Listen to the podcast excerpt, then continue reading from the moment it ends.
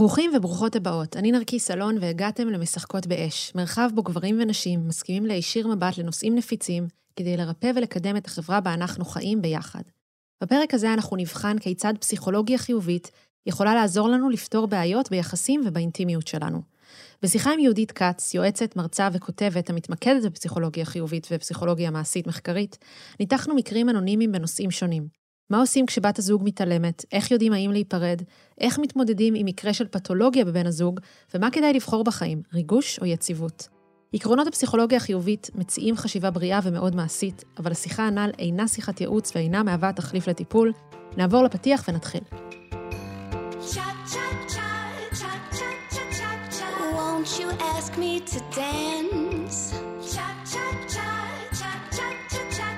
Over here and take my hand. Say you like me, you better count the ways. Side to side, move your hips one, two, three. פודקאסט משחקות באש ובחסות הספר אישה חיה. סיפור אישי על גילוי המיניות, ואיך החיבור שלנו לגוף משפיע על ההגשמה שלנו, מערכות היחסים וכל הביטחון העצמי. הספר נותן הצצה כנה וחשופה לתהליכי ריפוי עמוקים בזוגיות, חיבור לנשיות ושלום בין גברים ונשים, וכן, אני נותנת חסות לעצמי, כי אם אין אני לי, מי לי.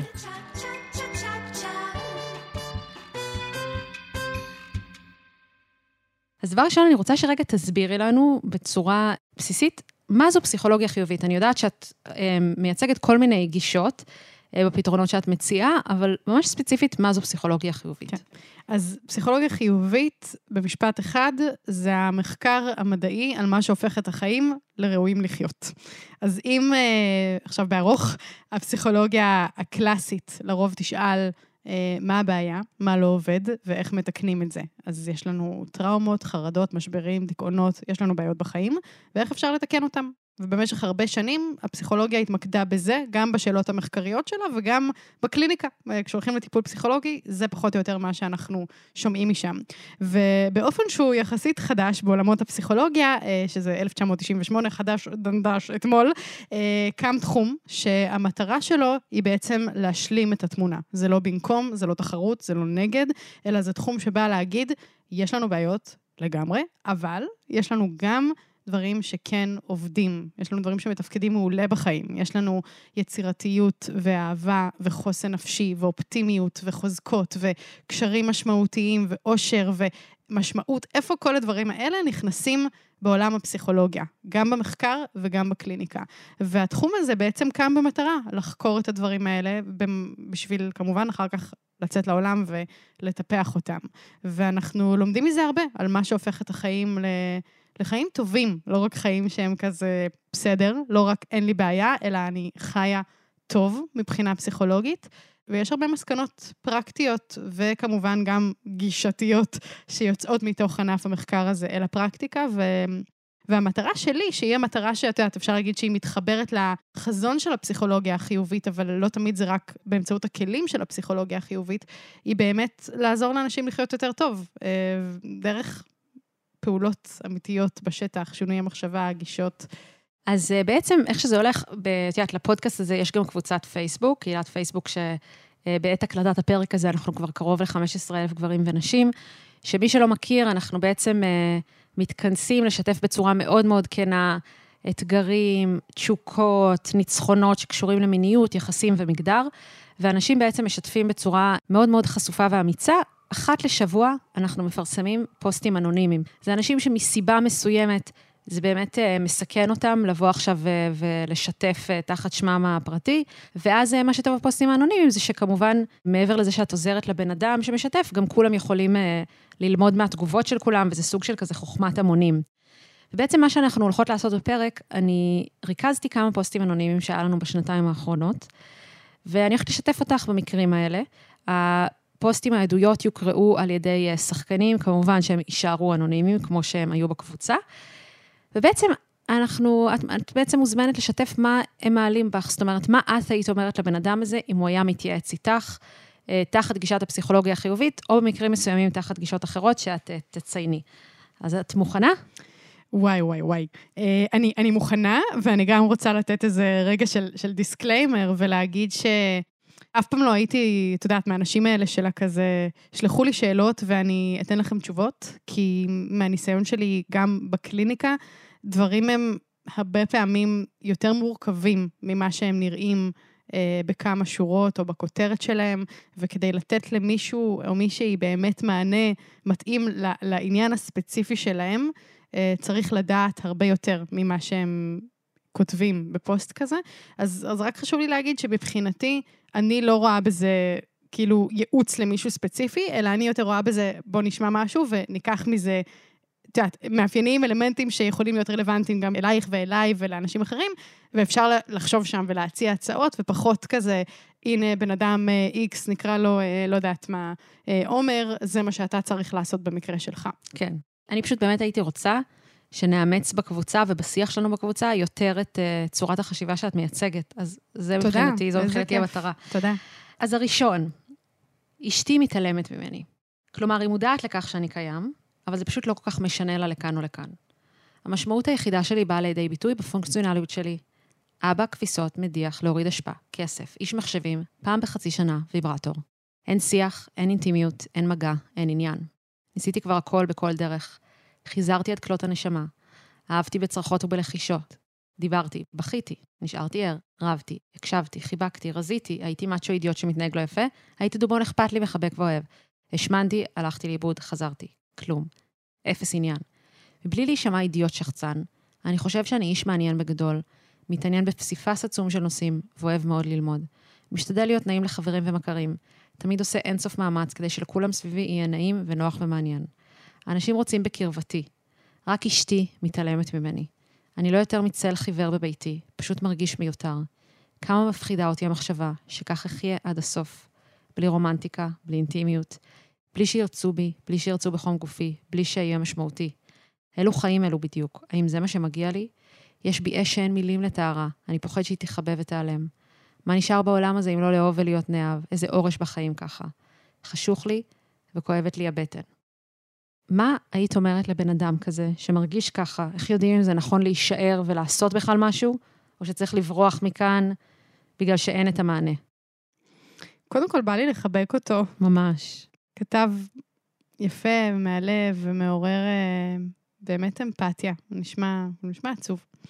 ואני חושבת שהדבר הכי חזק ש, שעלה לי בעקבות מה שהוא כתב, שבאמת רלוונטי לכל אחד, זה באמת כמה חשוב הקשר. כלומר, כמה אנחנו, את יודעת, אנחנו נולדים לתוך קשר, אנחנו מתפתחים בתוך קשר, אנחנו משתנים בתוך קשר, ו, ואני חושבת שהוא באמת דיבר את זה, שהוא אומר מה, מה הטעם בחיים כש, כשאין את זה. ואם אנחנו מדברים על פסיכולוגיה חיובית, מדברות, אז, אז זה מנבא מספר אחת לאושר. כלומר, אנחנו יודעים ש...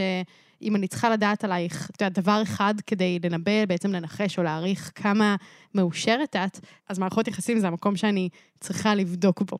ומערכות יחסים זה לא חייב להיות הזוגיות, זה יכול להיות, וזה יכול להיות גם מערכות יחסים אחרות. ובעצם הוא מדבר על זה כאב מאוד גדול של המקום שבו אני הכי רוצה את הקשר, ושיראו אותי ושיאהבו אותי, לא קיים, ו- וזה באמת טרגדיה. כאילו, רגע, את יודעת... להכיר בזה. להכיר בזה שזה באמת נשמע רע, אה, מה שהוא מתאר. עכשיו, אני לא יודעת מה הייתי אומרת לא לעשות, כי הייתי רוצה לשאול אותו מה הוא כבר עשה. כאילו, יש משהו בצורת כתיבה פה שהוא... הוא מאוד uh, פיוטי ויפה, אבל לא לגמרי... רוצה לשמוע מה בפועל. כן, כאילו לא לגמרי ברור לי מה הוא עשה.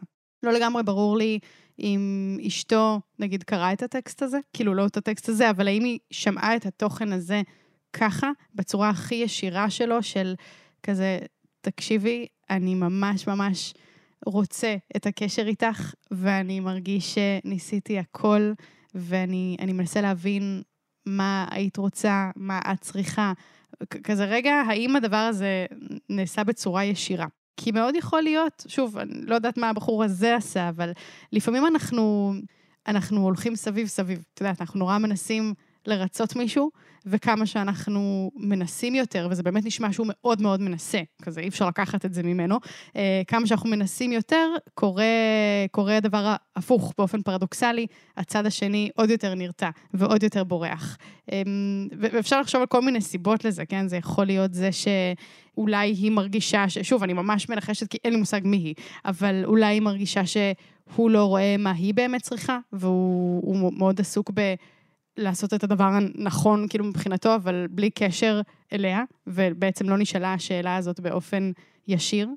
אה, יכול להיות משהו אחר לגמרי, את יודעת, יכול להיות שהיא בדיכאון, כזה, ושזה בכלל סיפור עליה, ולא סיפור עליו, ושלפעמים כל המאמצים שלנו הם מאמצים שאין מי שיקלוט את המאמץ הזה. כלומר, אצלה יש משהו שהוא חסום והוא ריק ו- ולא יכול... אז, אז מבחינתי, ה- ה- לא יודעת אם לקרוא לזה אפילו כלי, אבל הדבר הכי חזק שהייתי מציעה, זה באמת לדבר ולשאול באופן ישיר, לאן את רואה את הדבר הזה הולך? כי סיכוי טוב שאם הוא מרגיש ככה, אז גם היא לא מרגישה, את יודעת, בעננים לגבי הקשר הזה, ו- ושוב, רוב הסיכויים שגם זה לא מה שהיא דמיינה לעצמה, למערכת יחסים, בסוף יש כאן שניים. אז, אז רגע לשאול, מה את היית רוצה? ולהגיד מה אני מרגיש באופן הכי ישיר והכי פגיע, אה, ולהסתכן בזה שאנחנו לא יודעים לאן זה ילך. כלומר, יכול להיות שזה יוביל לפיצוץ, שזה אולי מה שהוא מפחד, שאם הוא יגיד את הדברים כך, אז, אז אולי עוד יותר תתעלם, עוד יותר תתעצבן, עוד יותר תיפגע, ו, ויש סיכוי גבוה, כשאנחנו אותנטיים, שזה יעבור אסקלציה או לרע או לטוב, שזה החלק, את יודעת, החיובי פה, ש... יכול להיות שיפתח כאן משהו שלא נפתח מעולם, שתהיה אפשרות לבקש עזרה, להיעזר במישהו חיצוני, אמ, לשמוע רעיונות שלה, ואני בטוחה שאם היינו מדברים איתה, אז היינו שומעים שגם היא חושבת שהיא מתאמצת, נכון? הסיפור הוא אף פעם לא חד-ממדי, והייתי רוצה להזמין את מי שכתב באמת לשאול מה עוד יכול להיות הסיפור. כי הסיפור שהוצג כאן הוא מאוד חד-ממדי. כאילו מאוד, אני מנסה, והיא לא, לא שם. נדיר שזה ככה בחיים.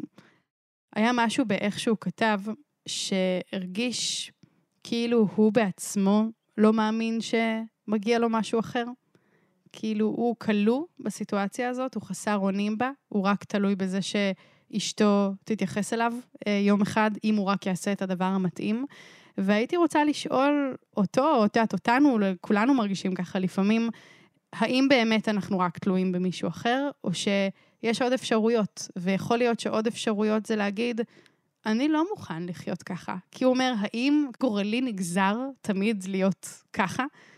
ולא, גורלך לא נגזר בשום מקום. כלומר, איפה המקום שגם אתה אומר, אני רוצה לנסות, אחת, שתיים, שלוש, ארבע, או אולי כבר ניסיתי. ואם זה לא עובד. ואם זה לא עובד, אז מה אני רוצה לעשות? כן. אני לא תלוי במישהו אחר שסוף סוף, או מישהי אחרת, שיחליטו איך החיים שלי ייראו. כן. ובאיזשהו מקום זה, זה מרגיש לי שהייתי רוצה לשאול אותו שאלות, האם באמת אין לך עוד אפשרויות? האם באמת זה לא בידיים שלך? האם יש משהו שאתה יכול לעשות כדי להרגיש שהחיים הם בידיים שלך, ושיש לך את האפשרות לא להישאר לבד, ושאם זאת לא הבחורה הזאתי, אז זה יהיה עם מישהי אחרת. אתה לא צריך לוותר על הדבר שאתה מגדיר כהדבר הכי חשוב בחיים שלך, כי מישהו אחר החליט לא לתת לך את זה. אז, אה, אז הייתי רוצה רגע לשאול אותו אם הוא מאמין שמגיע לו, ואם הוא לא מתעלם מעצמו. אז זה באמת מעבר נורא טוב לעדות הבאה, אה, והיא הולכת ככה, מתגרשים. אני לא יודעת כמה ישתפו פה, כי זה נורא אישי, ושאלתי הרבה שאלות, אבל מתגרשים יקרים עם ילדים, כמה זמן המשכתם לנסות? בשם מה? כמה צ'אנסים נתתם? מה עשה את ה switch שדי? מה שינה את ה mindset שלכם בקשר לזה? שגירושים הם דווקא הצעד היותר נכון. האם הגעתם למסקנה שזה מה שהכי טוב לכולם או לכם? איך הצלחתם לשמר את ה mindset ולא לחזור אחורה? האם הצלחתם לעשות את זה יפה, ואם כן, אז איך? עכשיו, את יודעת, זה המון המון שאלות, אבל אני חושבת שהשאלה המרכזית, ולמה עניין אותי להביא את העדות הזאת, כי יש משהו באמת שעבורי פסיכולוגיה חיובית מייצגת, שזה מאוד כזה לראות את החיובי, לתת צ'אנס. ויש אנשים שיכולים בטעות להתבלבל ולקחת את זה לכיוון של אה, להישאר כשלא צריך להישאר. לא, לא אמורים יותר לתת צ'אנס במקרים מסוימים. איך יודעים ש, שמטוב לא יצא מפה, למרות שהמטרה שלנו היא לחשוב טוב? ואם יש לך איזשהם טיפים, אם אתה מבין שאתה הולך לכיוון פרידה, איך אתה עושה את זה בצורה שהיא באמת אה, חיובית? אז, אז באמת יש כאן הרבה שאלות. אמ, אני, אני אתחיל מהשאלה הזאת של איך לדעת מתי לעזוב, כי אני חושבת שזו שאלה שפוגשת אותנו בכל כך הרבה תחומים בחיים. כזה אנחנו לומדים משהו באוניברסיטה, ואנחנו לא בטוחים אם זה מעניין או לא מעניין, ואנחנו לא בטוחים אם כבר לסיים את התואר או לעזוב. אנחנו אה, במערכת יחסים ומתלבטים אם זה מספיק טוב כדי להיות כאן, גם עוד לפני שמתחתנים. את יודעת, האם זה היה מספיק טוב כדי ללכת לעוד דייט ולעוד דייט, או שזה לא מספיק טוב וצריך לחתוך. אני מקימה עסק והוא מצליח בצורה בינונית, האם לתת לזה עוד שנה ולקחת עוד הלוואה או לחתוך? אז, אז השאלה הזאת מופיעה באמת בהמון המון צמתים בחיים שלנו, ובטח ש... בסיטואציה שהוא תיאר, כשיש ילדים על הפרק, אז פרידה הופכת להיות הרבה הרבה יותר uh, מורכבת. ואני רוצה לדבר על מונח שהוא, זה מונח שמגיע מהעולם של כלכלה, והשאילו אותו לעולם הפסיכולוגיה, והוא בעצם מצביע על אחת ההטיות הכי קשות שיש לנו בקבלת החלטות, שכולם נופלים בה, שזה הגישה הזאת של אם כבר השקעתי במשהו, אז אני הולכת להמשיך להשקיע בו. אז כבר הזמנתי את המנה הזאת במסעדה, אז אני לא אסיים אותה למרות שאני כבר מפוצצת, כבר התחתנתי עם הבן אדם הזה והולדנו ילדים ביחד, אז מה, עכשיו אנחנו ניפרד ואני אתחיל מאפס, ומה עושים עם הכסף, ומה עושים עם ילדים, אז אני אמשוך עוד. וכבר אני עשיתי שלוש שנים מהתואר הזה, ויש לי עוד קורס אחד ושנה אחת, אז מה, אני לא אגרור, אז אנחנו תמיד באיזו גישה של כזה... כבר, כבר עשיתי, ובגלל המאמץ של העבר, אני אמשיך להשקיע עוד מאמץ. והדבר הזה הוא טעות אה, שהיא גורמת לנו בעצם להפסיד פעמיים, כי מצד אחד יש את כל מה שכבר השקעתי והפסדתי, כי זה לא יצא כמו שרציתי, זה לא היה מעניין, זה לא הניב לי רווחים, זה לא עבד וזה קורה בחיים לכולנו במלא תחומים. אבל אז אני טועה שוב, כי אני ממשיכה להשקיע במשהו שלא עבד, רק כי כבר השקעתי בו, וזה נורא כואב באגו להגיד שטעיתי ולהודות בזה בפני אחרים ולהתחיל מההתחלה ויש חוסר ודאות בחוץ, אז יש הרבה סיבות ללמה זה נשמר, אבל אני ממשיכה להשקיע עוד ומפסידה שוב. ואז השאלה שבעצם עולה פה גם מתוך הטקסט זה, איך אני יודעת מתי זה זה ומתי זה זה? איך אני יודעת מתי באמת שווה להשקיע עוד? כי היי, יש מצב שאם אני אלך לטיפול זוגי, אז זה ישתפר, ויש מצב שאם אנחנו נדבר על זה שוב, זה ישתפר. ויש מצב שאם אני אקח עוד הלוואה לעסק, או אלמד עוד קורס, או אקח ייעוץ, דברים ישתפרו, וזה באמת קורה לפעמים. אז איך אפשר לדעת האם זה זה או שזה זה? ואחת הדרכים לפצח את, ה, את השאלה הזאת, באמת נוגעת בשאלות הממש חכמות שמי ששאל את השאלה שאל, שזה מה בעצם המוטיבציה להמשיך? האם המוטיבציה נשמעת, מריחה, משהו בסגנון של רק כי כבר עשיתי, כבר יש לנו ילדים, זה יהיה נורא קשה להפסיק, משהו שנוגע לזה שאני בעצם כבולה לעבר שלי, באיזה שהם כזה שלשלאות שמחזיקות אותי, או שיש כאן ג'ניואנלי כזה באמת אמיתי, משהו שאני מאמינה שהולך לעבוד. והדרך לפצח את השאלה הזו זה לשאול את עצמי את השאלה, אם היום הייתי אה, מתחילה את הכל מחדש, אם היום היו אומרים לי, את יכולה להיכנס למערכת יחסים שהמצב הוא שאתם כל יום שישי רבים על זה שהוא רוצה ללכת להורים שלו ואת לא רוצה, אה, הסקס שלכם הוא ככה וככה, אה, בענייני חינוך הילדים אתם מאוד מסכימים על ערך הכבוד ההדדי, אבל אה, כשזה נוגע ל... לא יודעת מה, חברות, אתם רבים אחד עם השני, כזה, מה המצב? האם הייתי נכנסת לזה שוב? ו... וזה לא צריך להיות מושלם כדי שניכנס לזה שוב, אנחנו לוקחים הרבה דברים שהם לא מושלמים, אני יכולה להגיד, כן, סבבה, נראה לי סך הכל חבילה שהייתי רוצה להתמודד איתה, אז סימן שאני באמת כזה מאמינה בזה. ואם אני אומרת, לא, לא הייתי נכנסת לזה שוב, אז סיכוי טוב, נורא אדומה, בלינג בלינג, ש... שאני אולי ממשיכה משהו רע, כי אני כבר כבולה לעבר. אז באותה שאלה שעולה כאן, אה, זה קצת נשמע שהיא כבר מבינה שהיא רוצה להתגרש. כאילו, היא כבר קיבלה את ההחלטה, היא הבינה שהיא רוצה לחתוך, זה לא השלב שלה האם להמשיך או לא להמשיך. כאילו, היא קצת שואלת פה, אה, איך אתם יודעים מתי זה די, אבל, אבל השאלה שלה טיפה מרמזת שהיא כבר החליטה שדי, והיא רק מחפשת את האישור. עכשיו, מראש אפשר להגדיר, את יודעת, אה, כמה זמן הייתי רוצה עוד לתת לזה. ברור שאנחנו לא שוברים את הכלים על כל שטות. אז כמה, כמה זמן אני עוד רוצה לתת בניסיונות, כמה ניסיונות שונים, אה, לא יודעת, שני סוגי טיפולים שונים, עוד שנה אחת שאנחנו משקיעים ביחסים, אה, עוד שני קריטריונים שאני רוצה לבדוק, ואז זה הולך להיות הגבול שלי, שבו אני הולכת לקבל החלטה. אבל כן הייתי ממליצה לשים על זה איזשהו מקום פנימי של אני מחליטה. כי אחרת אנחנו יכולים המון שנים לחיות ב-no man's land כזה, של אני אני לא רוצה להיות פה ואני גם לא רוצה לעזוב, ואז אני גם לא משקיעה בקשר והוא רק הולך ומידרדר, ואני גם לא הולכת ומשפרת לעצמי את החיים ומוצאת קשרים אחרים או הזדמנויות אחרות, אז, אז זה נראה לי כזה רגע נקודת המוצא. לגבי איך עושים את זה בצורה חיובית. אה, יש משפט נחמד כזה שאומר, אה, שהוא מאוד ידוע, שצריך לדעת אה, לא רק עם מי להתחתן, אלא ממי להתגרש. נכון? אז, אז קודם כל זה מתחיל הרבה שם. כי יש אנשים שיהיה נורא קשה לעשות את זה חיובי איתם. כאילו, גם אם את תבואי הכי חיובית בעולם, האגו שלהם כל כך נפגע מזה שאת נפרדת מהם, שהם יעשו דברים לא רציונליים, ו- וזה לא יהיה בשליטתך. כאילו, את יכולה להיות הכי טובה שאת יכולה, ו- ו- ואת יכולה רק לשלוט על הצד שלך. אז אני, אז אני מתחילה רגע מלהגיד שאני יכולה לשאול את עצמי מה יהיה מבחינתי הצורה הכי חיובית, ואיך עושים את זה. כנות זה חלק ממש ממש חשוב, כי, כי זה ברור שיש כאן קונפליקט של אינטרסים, ואי אפשר לייפות את זה. כלומר, ברור שכשמתגרשים, לא כולם רוצים בדיוק את אותו דבר, אה, לא לכולם אותם דברים נראים הוגנים, כלומר, זה ברור שלי יש גרסה אחרת בסיפור, ולך יש גרסה אחרת בסיפור. אז קודם כל, מאוד לתת את המרחב הזה לזה שיש סיפורים שונים, לכולם יש מקום, זה גם וגם. אה, לזכור שזה בן אדם שאהבתי אותו לפחות פעם, ו... להתחבר למקום הזה שאני באמת רוצה בטובתו, גם אם הוא מאוד מעצבן אותי כרגע, אני רוצה בטובתו בשביל הילדים שלי. את יודעת, יש לנו, יש לנו מטרה משותפת, שזה הילדים. בטוח שנינו מסכימים על זה, שאנחנו רוצים שהילדים שלנו יגדלו להיות אנשים בריאים ושמחים, עם מערכות יחסים טובות ומודל טוב, ו- ולזכור את זה שהילדים רואים הכל, הכל. ממש כזה, כמו אנטנות, הם שומעים דברים שהם, את יודעת, מהחדר השני, הם יכולים לתפוס איזה משפט ו- ולצטט אותו אחר כך, אז, אז באמת לזכור שבסוף זה לא רק סיפור עליי, ועל זה שאני רוצה להיות הכי צודקת ולהשיג כל מה שאני יכולה מתוך הפרידה הזאת, או לדפוק את הצד השני, אלא זה סיפור על זה שהילדים שלי זה הדבר הכי יקר לי בעולם, ואני רוצה לעשות את זה בשבילם. אני רוצה לשאול את עצמי מה הם צריכים לראות בסיטואציה הזאת, כי גירושין, אנחנו יודעים את זה ממחקרים, זאת לא הבעיה. כלומר, כשאומרים שילדים של אנשים גרושים הרבה פעמים מתוסבכים בכל מיני צורות, זה לא בגלל שההורים שלהם גרושים, זה בגלל מה שקורה הרבה פעמים בתוך גירושים, שזה אה, סכסוכים, שזה להפנות את אחד הילדים על ההורה השני, ואם הילדים גדלים במלחמה, אז זה לא טוב. עכשיו, מצד שני, גם אנחנו יודעים שעדיף לילדים שיהיה להם הורים גרושים, שחיים טוב, שנמצאים בגישה טובה אחד עם השני, מאשר לחיות בבית מלא במתח לאורך שנים. אז, אז לפעמים גם להתגרש זה באמת יותר טוב. ואני אגיד עוד דבר, שיש מונח שאני ממש מתחברת אליו, ואני גם מדברת עליו בספר שלי, שנקרא עזיבה אסטרטגית. זה מונח שמגיע מעולם העסקים של סף גודין, אה, שהוא בעצם מדבר על זה ש... הרבה פעמים בחיים שלנו אנחנו מקדשים את ההתמדה, נכון? כאילו המתמיד מנצח, ורק עם התמדה אנחנו נגיע רחוק, ואנחנו חושבים שלא להתמיד במשהו זה קצת לוזרי.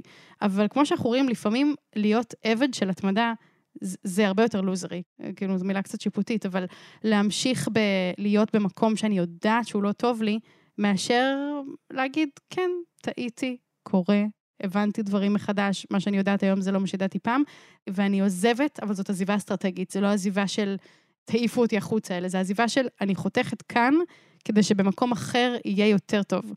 ברוב המקרים אנחנו, את יודעת, הדרך שלנו תתגלגל ככה ש, שיהיו הזדמנויות אחרות, כן? זה לא עניין של מה אובייקטיבית יותר טוב, אלא החיים ירגישו שאנחנו אלה שיוצרים אותם ובוחרים אותם, ולא שאנחנו רק נשארים במשהו כי כבר עשינו איתו משהו. אז האם הגיע הזמן לפרוש ממשהו שלא מתאים? אז תכף אנחנו נראה אם uh, פסיכולוגיה חיובית יכולה להיות גם בהקשרים של uh, פתולוגיות. אז uh, ככה, לעשות אהבה עם רוח רפאים. בן זוגי כבר יותר משנה וחצי לא בדיוק שם. עד לנקודה הזו הוא היה החבר הכי טוב שלי. המגן שלי, האוזן הקשבת שלי, מישהו שהכרתי בעל פה. אני לא יודעת באיזה רגע העולם השתנה, אבל התפרצה לו מחלה נפשית מסוימת. הוא מטופל עם כדורים.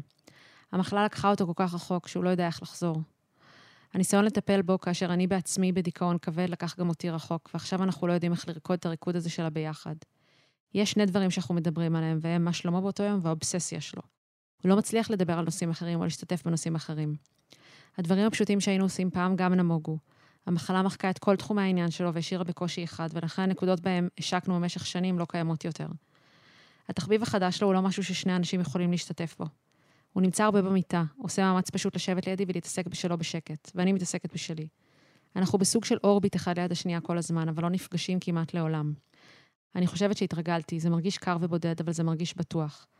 עד שהוא רוצה שנעשה אהבה ואני מתמלאת בקרח. הוא עדיין הגבר הכי מושך בעולם, אבל אני לא יודעת יותר להיות קרובה אליו.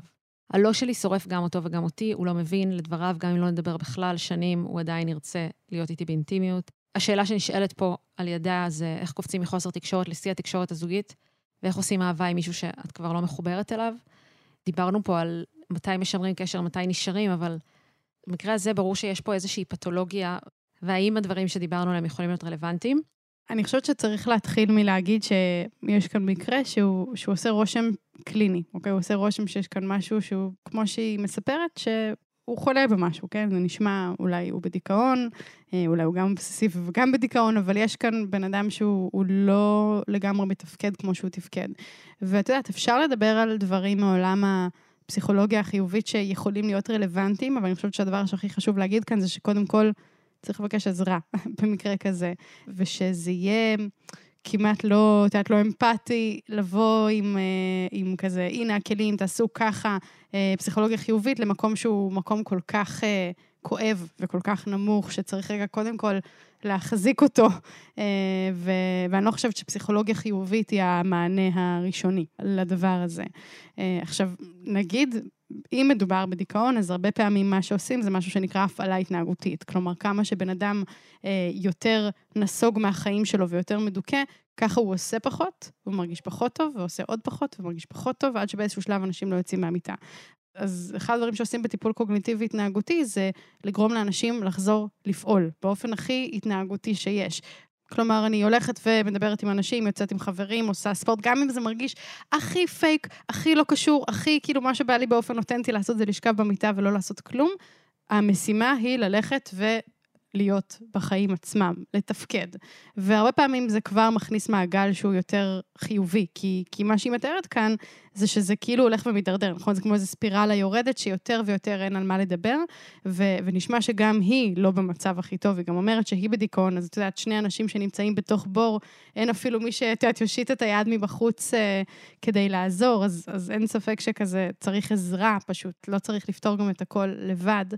במצב שבו היו לה יותר כוחות, אז אולי היא הייתה יכולה לנסות לעזור לו לפעול, כזה לא לוותר לו, כי זה נשמע שגם היא קצת מוותרת לו, ואני לא שופטת אותה, כי גם היא בביצה. היא כותבת כאן משהו בסגנון של אה, איך מגיעים מחוסר תקשורת לשיא התקשורת הזוגית. כלומר, יש כאן חשיבה שהיא מאוד black and white. כלומר, אני נמצאת הכי למטה ואני רוצה להגיע הכי למעלה, שזה חשיבה שהיא מאוד מנותקת מה...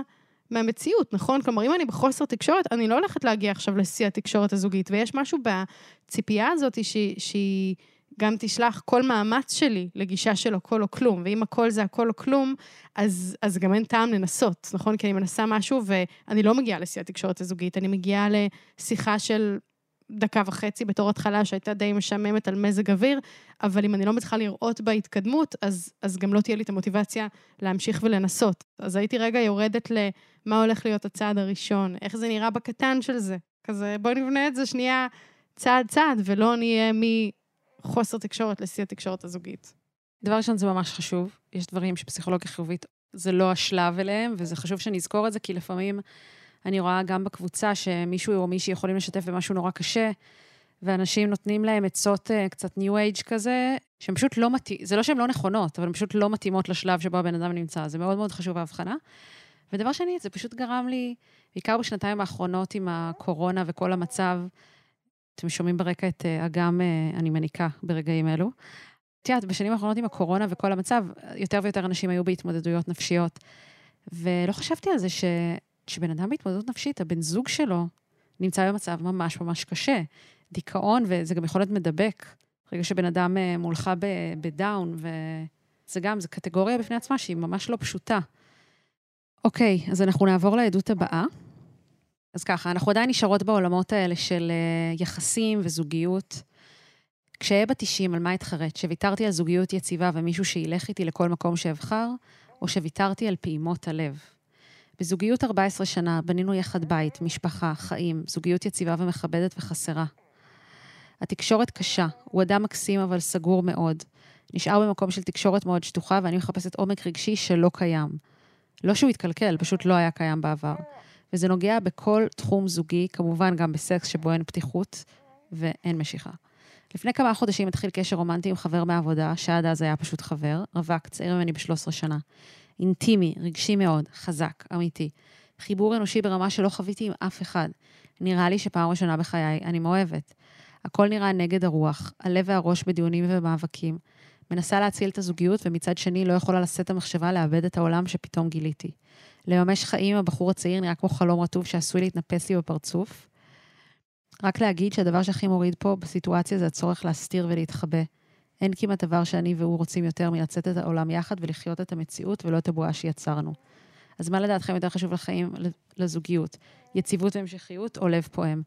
אז את יודעת, יש פה, זה שאלת השאלות, אני חושבת שהרבה פעמים אנחנו שואלים את זה, במיוחד במעבר לחיים הבוגרים, שאנחנו פתאום הופכים להיות הורים. ריגוש אל מול משהו כזה המשכי, שהוא מוכר והוא יציב וידוע. אנחנו מדברות על הקטע של להיות באושר ובחיים חיוביים. האם חיים חיוביים זה חיים שבהם אתה מתרגש יותר, או חיים כאלה שבהם יש לך יציבות? אה, ואיך היית אה, מציעה למישהי להתמודד עם אה, מקרה כזה? תשמעי, זה מורכב. אז, אז קודם כל נתחיל מזה שבאהבה יש לכולנו שלבים.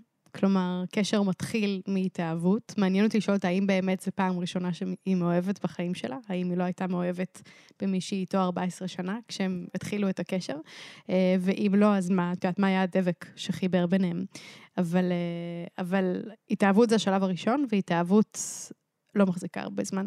לא, mm. לא רק אצלה, אלא, את יודעת, אצל כולנו זה יכול לקחת כמה חודשים, זה יכול לקחת שנה, יכול לקחת שנתיים, את יודעת, בגג, ואז... למרות שלפעמים זה נכבה ונדלק, את לא חושבת מחדש. זה תלוי איך את מגדירה התאהבות, אבל המובן הזה של התשוקה, הריגוש, החדש, mm. זה משהו שמאוד מאפיין התחלה של קשר, וזה חלק מהמנגנון שמחבר אותנו. את יודעת שאנחנו רוצים להיות כל הזמן ביחד, אנחנו רוצים לדעת הכל לבן אדם, אנחנו רוצים שיכיר אותה, אנחנו רוצים כל הזמן לעשות סקס, כאילו זה משהו שהוא הוא, הוא, הוא, הוא מייצר את החיבור. ואז אנחנו עוברים לשלב השני של הקשר, שהוא שלב של, אפשר לקרוא לו אהבה, אבל לא התאהבות. זה מתשוקה למשהו שהוא יותר אהבה, מחויבות. את יודעת, רגע, שתי רגליים על הקרקע, זה ש... שהוא לא כל יום פרחים ופרפרים, ועדיין אנחנו יכולים להגיד שיש לנו קשר מאוד טוב עם הבן אדם. עכשיו, גם אם אנחנו נפרדים ממערכת יחסים, מתחילים מערכת יחסים חדשה, שזה קורה וזה לגיטימי, לא הולכת להיות לנו התאהבות עם הבן אדם השני במשך כל החיים. זה גם הולכת להיות תקופה ואז יש את החיים עצמם, את יודעת, יש את הכלים והכביסות והמגורים והשיחות והארנונה והלוגיסטיקות, וזה שאנחנו לא תמיד מסכימים, וגם זה שהדברים שהכי נמשכתי עליהם פעם, היום הם קצת מעצבנים אותי אה, בבן זוג שלי. אז, אז אני חושבת שקודם כל מבחינת הציפיות, חשוב להבין שיש לנו שלבים בתקשורת עם אנשים, ו... זה הגיוני שהיא כבר לא מאוהבת עד עמקי נשמתה בבן אדם שהיא נמצאת איתו 14 שנה, והיא גם לא הולכת להיות מאוהבת עד עמקי נשמתה בבן אדם החדש שהיא אולי תהיה איתו. כאילו, זה יהיה תקופה. ואז השאלה היא איך אנחנו, איך אנחנו מכניסים את הריגוש, כי ברור שאנחנו לא רוצים לוותר על זה לגמרי, נכון? אנחנו לא, אני לא רוצה לחיות חיים משעממים שאין לי מה לדבר, וזה נשמע טיפה מת כזה, מה שהיא תיארה. אז איך אני מכניסה ריגוש לתוך היציבות? כלומר, איך אני עושה את הגם וגם הזה, ששוב, נהיה ריאליים, גם וגם לעולם לא יהיה מסעיר כמו התאהבות של מישהו שאני יוצאת איתו חודשיים, כן? זה לא הולך להיות אותו דבר. איך אני מכניסה לתוך קשר שכבר עברתי, אה, הביטואציה ההדוניסטית, קוראים לזה בעולם הפסיכולוגיה, שבעצם התרגלתי כבר לטוב, אז יש בבן אדם הזה בטוח דברים טובים, אחרת, כלומר, משהו גרם לנו להיות 14 שנה ביחד. אז איך אני מחזירה את האש למשהו שהוא מרגיש לי עכשיו שהוא כבוי, איך אני רואה שוב את הטוב, איך אני מכניסה אנרגיה חדשה לקשר, איך אנחנו מגלים אחד על השני דברים חדשים. כי בתחילת קשר יש איזה משהו של... אנחנו מרגישים ש, שהבן אדם שמולנו, יש בו איזה, איזה אושר בעין שהוא אינסופי, נכון? יש כל כך הרבה דברים לדעת עליו, ולגלות בו, ובביחד שלנו, ואז מתישהו זה נשמע לנו בטעות שכבר אנחנו יודעים הכל, עשינו הכל, ראינו הכל, וכבר אין למה להסתכל. אז משהו שם נשמע כאילו המבט שלו הוא כבר בכלל לא לתוך הבן אדם הזה, הוא כבר קצת החוצה, כי היא פגשה מישהו וזה עוד יותר, את יודעת, יוצר את ההשוואה הזאת. אז איך אנחנו, איך אנחנו שוברים בביטואציה בתוך קשר, אם היא כן רוצה להישאר שם? הכרת תודה זה אחד התרגילים שהכי... מרעננים לנו את הערכה למה שיש, ו, וזה תרגיל שאגב אפשר לעשות אותו גם כזוג וגם לבד, שזה באמת לשאול מה כן היה טוב היום אה, ביחד, מה אני כן אוהבת בו, מה אני כן מעריכה בו, מה ריגש אותי שהוא אמר, מה למדתי עליו שבחיים לא ידעתי. ואם אנחנו ניקח כל ערב שלוש דקות לעשות את התרגיל הקטנטן הזה, אז כבר תהיה כאן איזו אנרגיה חדשה של חיים, כי אנשים מתפתחים כל הזמן, כן? אז אני, אני הפכתי להיות עיוורת לזה, אם אני כבר לא שואלת אותו מה באמת קורה, אז אני שומעת את הכותרות, אני שומעת, הלכתי לעבודה, פגשתי את שמעון, עשיתי כביסה, משעמם. אבל אה, אם אני, את יודעת, אם אני שואלת שאלות ואני מייצרת שיח אמיתי, אז, אז תמיד יש עוד עומק בבן אדם, נכון? אז, אז זה דבר אחד. עוד דבר שאפשר לעשות זה להכניס דברים חדשים לקשר, אוקיי? כשאנחנו עושים משהו חדש, אז כל החושים שלנו נדלקים, נכון? כשאני הולכת ואני בטיול חדש, אני מתנסה בתחביב חדש, אני עושה טיפול חדש, אנחנו רוקדים ביחד, זה פתאום מאיר לי את הבן אדם באור שהוא אור אחר. אני, אני לא רואה אותו בזווית הזאת, אני רואה אותו בדרך כלל בזווית של הילדים והכלים וה... לא יודעת מה, ואיך שהוא אה, נוחר בלילה, ועכשיו אני פתאום רואה אותו בזווית של וואו, איך הוא מנווט במקום שאנחנו אף פעם לא היינו בו, או וואי, איך הוא פותר אה, אפילו חדר בריחה, ויש לו כזה מחשבה ממש יצירתית שאני לא חשופה אליה ביום-יום, או, או איך, היא, איך היא בעצם יודעת תמיד להגיד משהו שנון עם אנשים חדשים שהרגע נפגשנו, וזה משהו שהוא תקף גם לחיים המיניים שלנו, שאפשר להכניס אליהם דברים חדשים, וגם לחיים הלא מיניים שלנו כזוג, כחברים, כשני אנשים ביחד, להכניס את החידוש הזה. אז זה עוד כלי.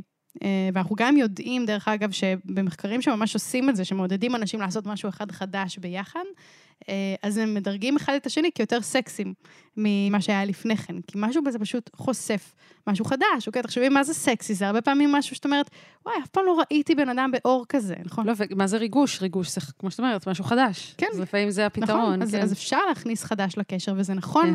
שזה יותר קשה בקשר ארוך מאשר בקשר חדש, ש-anyway הכל חדש לנו, אז, אז צריך לעבוד בזה, כלומר, זה באמת אה, עבודה. לצד זה, את יודעת, איך שהיא מתארת את זה, זה נשמע מאוד, אה, מאוד מת. עכשיו, אני לא יודעת מה היא כבר ניסתה לעשות, מה היא לא ניסתה לעשות, כמה היא לא מתארת את הצד השני כפתוח, אז גם יש כאן שאלות שהן שאלות קשות לשאול, רגע במנותק מזה שעכשיו יש פה מישהו שכזה מהבהב עם שטיח אדום שכזה שהיא רוצה ללכת אליו, בלי קשר לבן אדם הזה שהיא עכשיו התאהבה בו. האם יש כאן מערכת יחסים שהיא, שהיא ראויה בשבילך? האם את מרגישה ש, שבכלל היית רוצה להשקיע בבן אדם הזה בלי קשר שיש עכשיו אופציה אחרת אה, ש, שעלתה? יש אנשים שמכניסים, אה, לא יודעת, קשר פתוח, אה, מדברים על זה, אפילו לפעמים לייצר הסכמה סביב זה שאנחנו הולכים עכשיו שנינו להתנסויות מיניות שונות שהן מחוץ לקשר, וזה בהסכמה. זה לא מאחורי הגב. זה משהו שלפעמים מדליק קשר מחדש. אז, אז אני אומרת רגע לפני שזה או לשבור את הכלים או להמשיך לסבול, בואו שנייה נפתח את גווני הביניים, שזה להכניס את החדש לתוך הקשר, לדבר את האמת ולראות מה קורה. אמ, זה יכולה להיות אפשרות. אני חייבת לשאול אותך, כמה זמן את נשואה? וואו, אני נשואה איזה שנה אנחנו? 2022. אוקיי, אז הייתי צריכה רגע להיזכר בשנה. אני נשואה שש שנים, ואנחנו ביחד כמעט 15 שנה. ועד כמה... שזה לא נכון, זה המון. שאני בכלל לא אומרת, הוצאתי את המשפט הזה מהפה. כאילו בערך מאז שאני בת שלוש, אנחנו כן. ביחד כזה. ועד כמה את מצליחה ליישם את העקרונות האלה בזוגיות שלך? כאילו, מתפלק לך לפעמים בפסיכולוגיה ברור, שלילית, נכון? ברור. קודם כל, אני, אני בן אדם, אני לא פייה. אז, אז ברור ש... לא תמיד אני מגיבה באופן שבו הייתי רוצה להגיב, אה, ולא תמיד אני מיישמת את כל מה שאני מדברת עליו, אבל אני, אני כן מאוד מנסה, ואני כן חושבת שזה שאני שוחה בתכנים האלה, זה מאוד עוזר לי לחיות אותם. אני לא מקבלת 100 בכל המבחנים, אבל זה שזה, שזה מטרה, שזה ערך, שאני בודקת את עצמי למול זה, שאני מתקנת וחוזרת, בכלל לשים על זה רגע את השם ו- ולעבוד בזה. אז אני לגמרי עובדת בזה. האם אני לפעמים מתעצבנת? ברור. האם אנחנו רבים? מלא. כאילו, את יודעת, זה לא, ש... זה לא שיש לנו קשר שאני יכולה להגיד, אה, תסתכלי עלינו מהצד ואנחנו מושלמים. מופת, כן. כן, כלומר, אה, מן הסתם יש דברים שאנחנו לא מסכימים עליהם, מן הסתם גם לנו יש דברים ש... את יודעת, שאנחנו יכולים לריב עליהם כבר שנים. והוא אומר לך לפעמים, מה, איפה הפסיכולוגיה החיובית שלך? לא, כאילו אני חושבת שזה, קודם כל זה הערה קצת כזה מזלזלת, כן. וכאילו אם הוא היה אומר את זה, זה היה, היה בזה, היה בזה נורא קצת אדומה, כי יש בזה משהו מאוד אה, כאילו מגמד ומזלזל mm. בהערה כזאת. כן. אה, אבל אני כן חושבת, יש גם פעמים שאת יודעת, אני זוכרת אפילו שיחות שאני אמרתי לו, שאני מאוד מתוסכלת מזה. יש גם לפעמים פער בין זה של מה שאני את יודעת, מרוב שאני חוקרת את הנושא ומיישמת אותו עם אנשים, אז אני גם יודעת מה יכול להיות. ו... Mm. ולפעמים הפער הזה הוא פער ש... ש... הוא הופך את זה לעוד יותר קשה, כי אם יש לנו משהו, נגיד, לא יודעת, סתם ריב שהוא ריב ממוצע. את יודעת, זה, זה הכי רגיל, לכולם יש ריב כזה, אבל יש לי ציפייה לאיזה סטנדרט של משהו שאני כבר יודעת ש, שאני רוצה אותו, שאני יכולה לעשות אותו, ולא תמיד הבן זוג שלך הוא באותו ראש איתך, ולא תמיד הפסיכולוגיה החיובית שלי מעניינת אותו, מה שנקרא. Mm. אז, אז, אז יש פה שניים, ו, וזה משהו ש, שהייתי צריכה לשחרר אותו. את יודעת, בלהגיד שבסוף אני, אני לא בקשר עם textbook אה, של פסיכולוגיה חיובית, אני יכולה רק להביא את הכי טוב שאני יכולה ולנסות לשפר את עצמי, ולקוות שהצד השני כזה גם יהיה בעניין. וחלק לא פחות חשוב מהפסיכולוגיה החיובית זה כמה קבלה אני מצליחה להכניס לתוך משהו וכמה חמלה אני מצליחה להכניס לתוך הקושי, ושם אני חושבת שמאוד השתפרתי. כאילו, mm. משהו במקום הזה של להיות גם בעין טובה על מה שלא משתפר, ועל הקושי ועל התמונה הגדולה, ועל זה ש... שיש עוד דברים שהם לא מושלמים. אבל, אבל לגמרי יש גם דברים שאני מיישמת, הדברים החדשים. אני חושבת שאני מאוד כאילו חיה את זה בתוך הקשר, כזה לנסות mm. כל הזמן חוויות חדשות, דברים חדשים.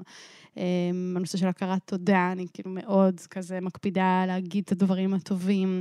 Uh, כל מה שקשור לכנות, פתיחות, פגיעות, אני לשם במאה אחוז.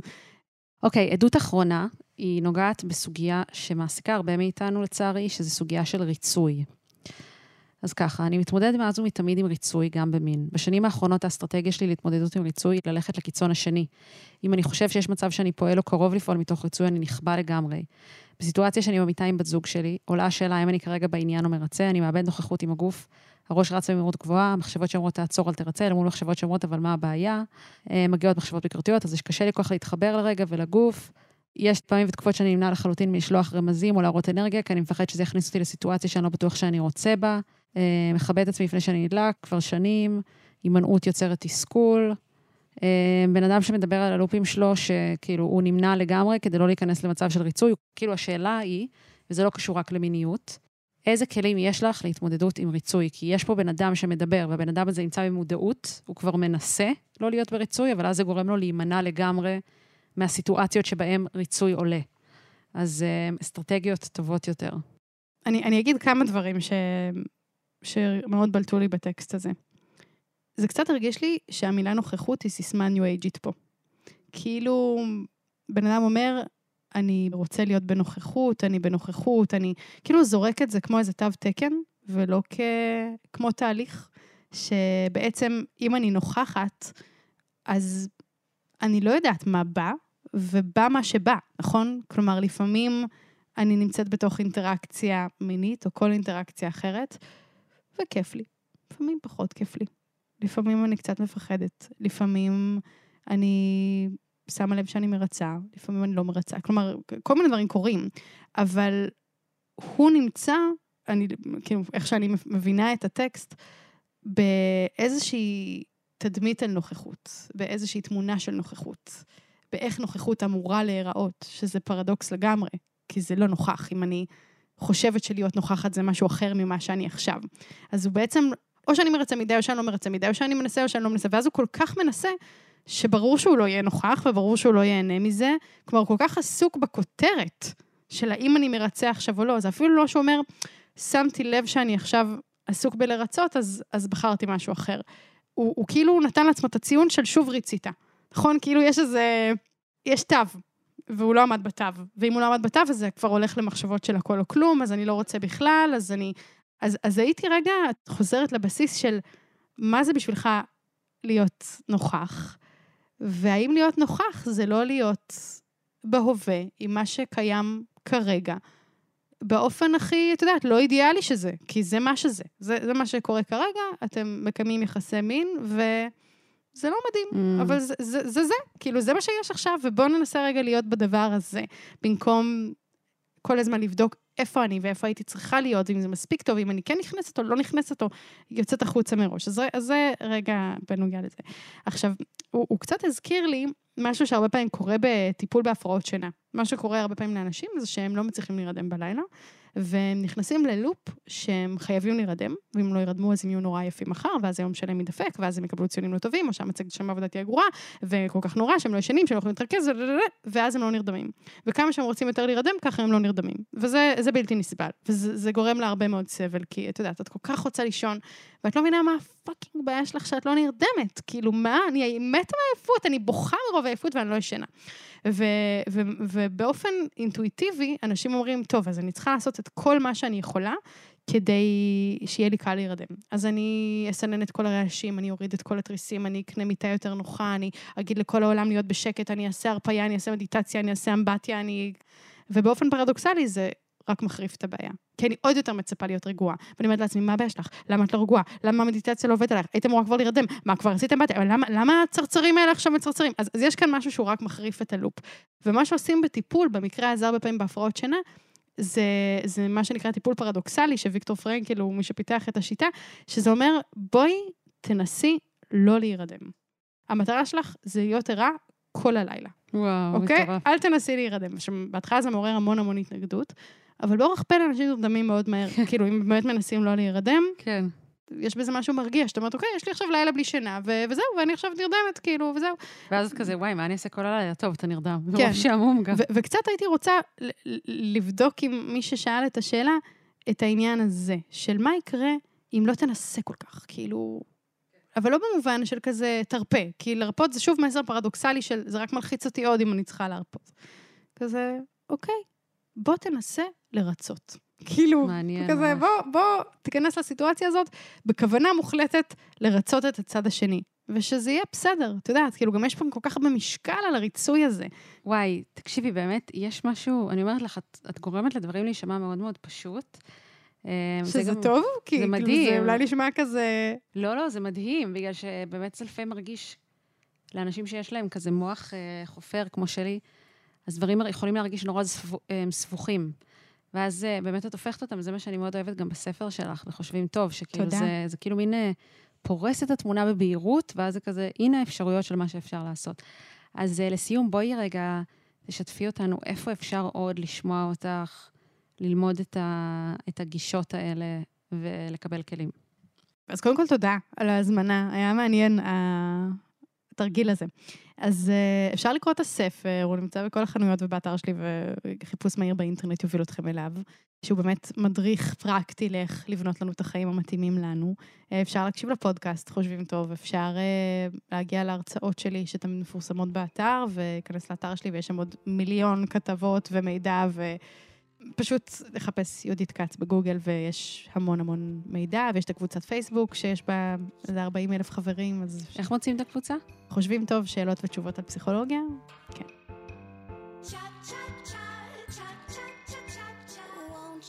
תודה שהייתם איתנו. לתיאור הפרק הזה אני מצרפת קישור להזמנת הספר שלי, אישה חיה, שמגיע בגרסת אודיו גם, שזה ממש כמו להאזין לפודקאסט הזה.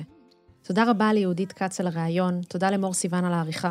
אתם מוזמנים להצטרף לקבוצת הפייסבוק שלנו, משחקות באש, ולהמשיך את הדיון על יחסים, גברים, נשים ומיניות.